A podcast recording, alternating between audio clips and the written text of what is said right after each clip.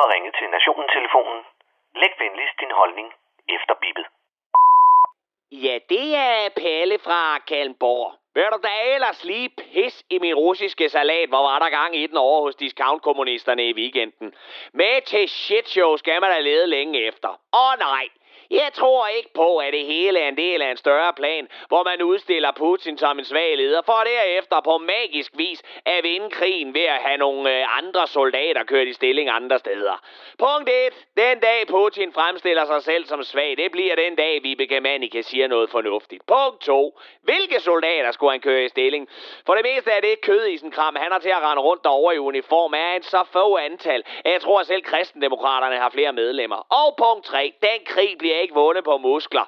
Men måske først, når en eller anden oligark med gode forbindelser for den plastikopererede KGB-mongol likvideret, og selv overtager magten, og så laver rav i den, indtil en anden oligark for ham likvideret, og så den oligark bliver også likvideret, og så videre, og så videre, og så videre, og så videre. Ja, det er jo ikke for ingenting, at det er landet med babushka-dukker, vel?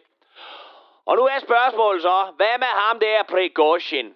Hvor længe kan han fede den i Hvide Rusland, før han pludselig bliver en værre klumpet umpe og falder ud af sit vindue på 20. etage? For øjeblikket har vi det herligt her i Hvide Rusland, i vort nynazistiske og asociale sammenhold. Men den dag røde russerne kommer, og det gør de jo nok igen, har jeg solgt min leje her og købt en ny i Tjetjenien. Nå, Nok om det er lorteland. For vi har jo selv et lorteland, som vi også lige skal vende. Nej, Pelle. Danmark er ikke et lorteland. Jo. Og ved du hvorfra jeg ved det?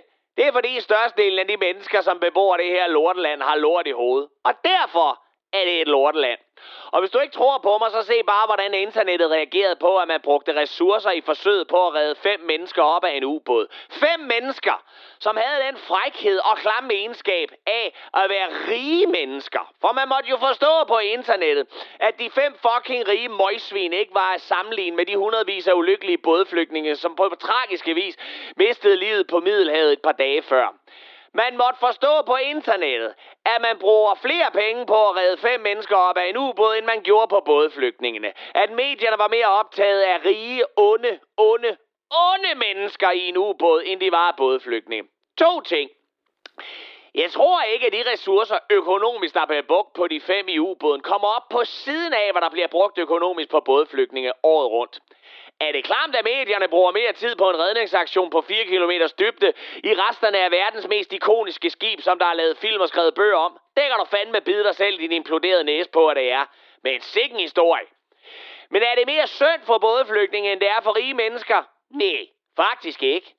Begge parter led en frygtelig død, og inden du begynder på dit pis omkring, at de jo selv havde sat sig ned i en ubåd, og dermed også selv var skyld i det hele med deres modbydelige mange penge, så tror jeg faktisk, at deres efterladt blev lige så knuste, no pun intended, som bådflygtningenes. At far og søn i ubåden knudede sig lige så meget ind til hinanden i frygt, som mor og datter gjorde på Middelhavet.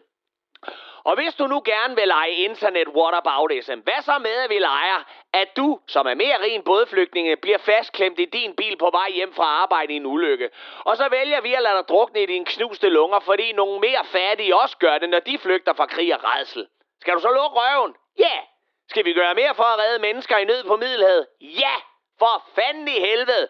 Lad os da for fuck's sake redde hele verden, hvis vi kan. For selvom jeg er en mavesur bunderøv, som hader alle på venstrefløjen, og vil elske og nikke hele højrefløjen en skalle, så er gamle Palle sgu nok øh, humanist, som har plads til alle.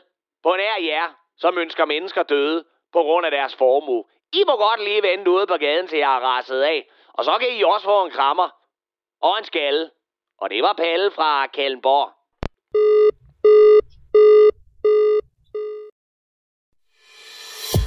Du har lyttet til en podcast fra Radio 4. Har du lyst til mere satire fra Radio 4, så lyt til Comedy-kontoret med Anders Fjelsted og Torben Sangil. Der er et nyt afsnit ude hver fredag. Find det i Radio 4's app, eller der, hvor du lytter til podcast. Radio 4 taler med Danmark.